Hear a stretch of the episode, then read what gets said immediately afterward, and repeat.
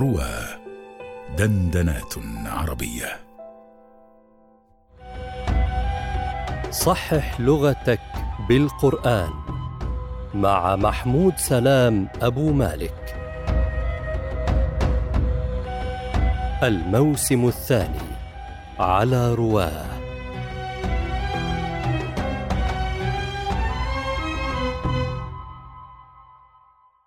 الحلقة الثانية. السلام عليكم ورحمة الله وبركاته. تركناكم في الحلقة السابقة مع سؤال جميل. هذا السؤال كان قد وردنا من صديقنا الفلسطيني إسلام منصور. يقول: في قول الله تعالى: لن ينال الله لحومها. من ينال ماذا؟ ماذا ينال من؟ هذا هو السؤال. يعني اللحوم هنا فاعل أم مفعول؟ نقول لحومها لن ينال الله لحومها أم نقول لن ينال الله لحومها. هذا سؤال صديقنا الذي طرحناه. عليكم وما شاء الله لا قوة إلا بالله منكم علماء في اللغة استطاعوا ببساطة أن يبينوا هذا الإشكال وأن يجيبوا عنه إجابة دقيقة.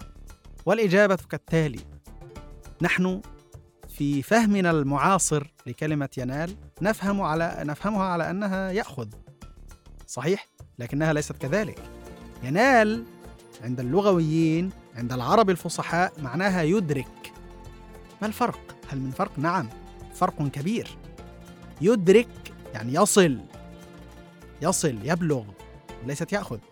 فإذا قال الله تعالى وهموا بما لم ينالوا معناها كما قال ثعلب هموا بما لم يدركوا هموا بما لم يدركوه. وقوله تعالى لن ينال الله لحومها ولا دماؤها أراد لن يصل الله لحومها ولا دماؤها يعني اللحوم والدماء لن تصل لن تصل الله لن تصل إليه هذا المعنى وإنما يصل إليه التقوى. حسنا. قوله لن ينال الله لحومها آه يقرأها عامة القراء بالياء لن ينال. خلاص؟ بالياء.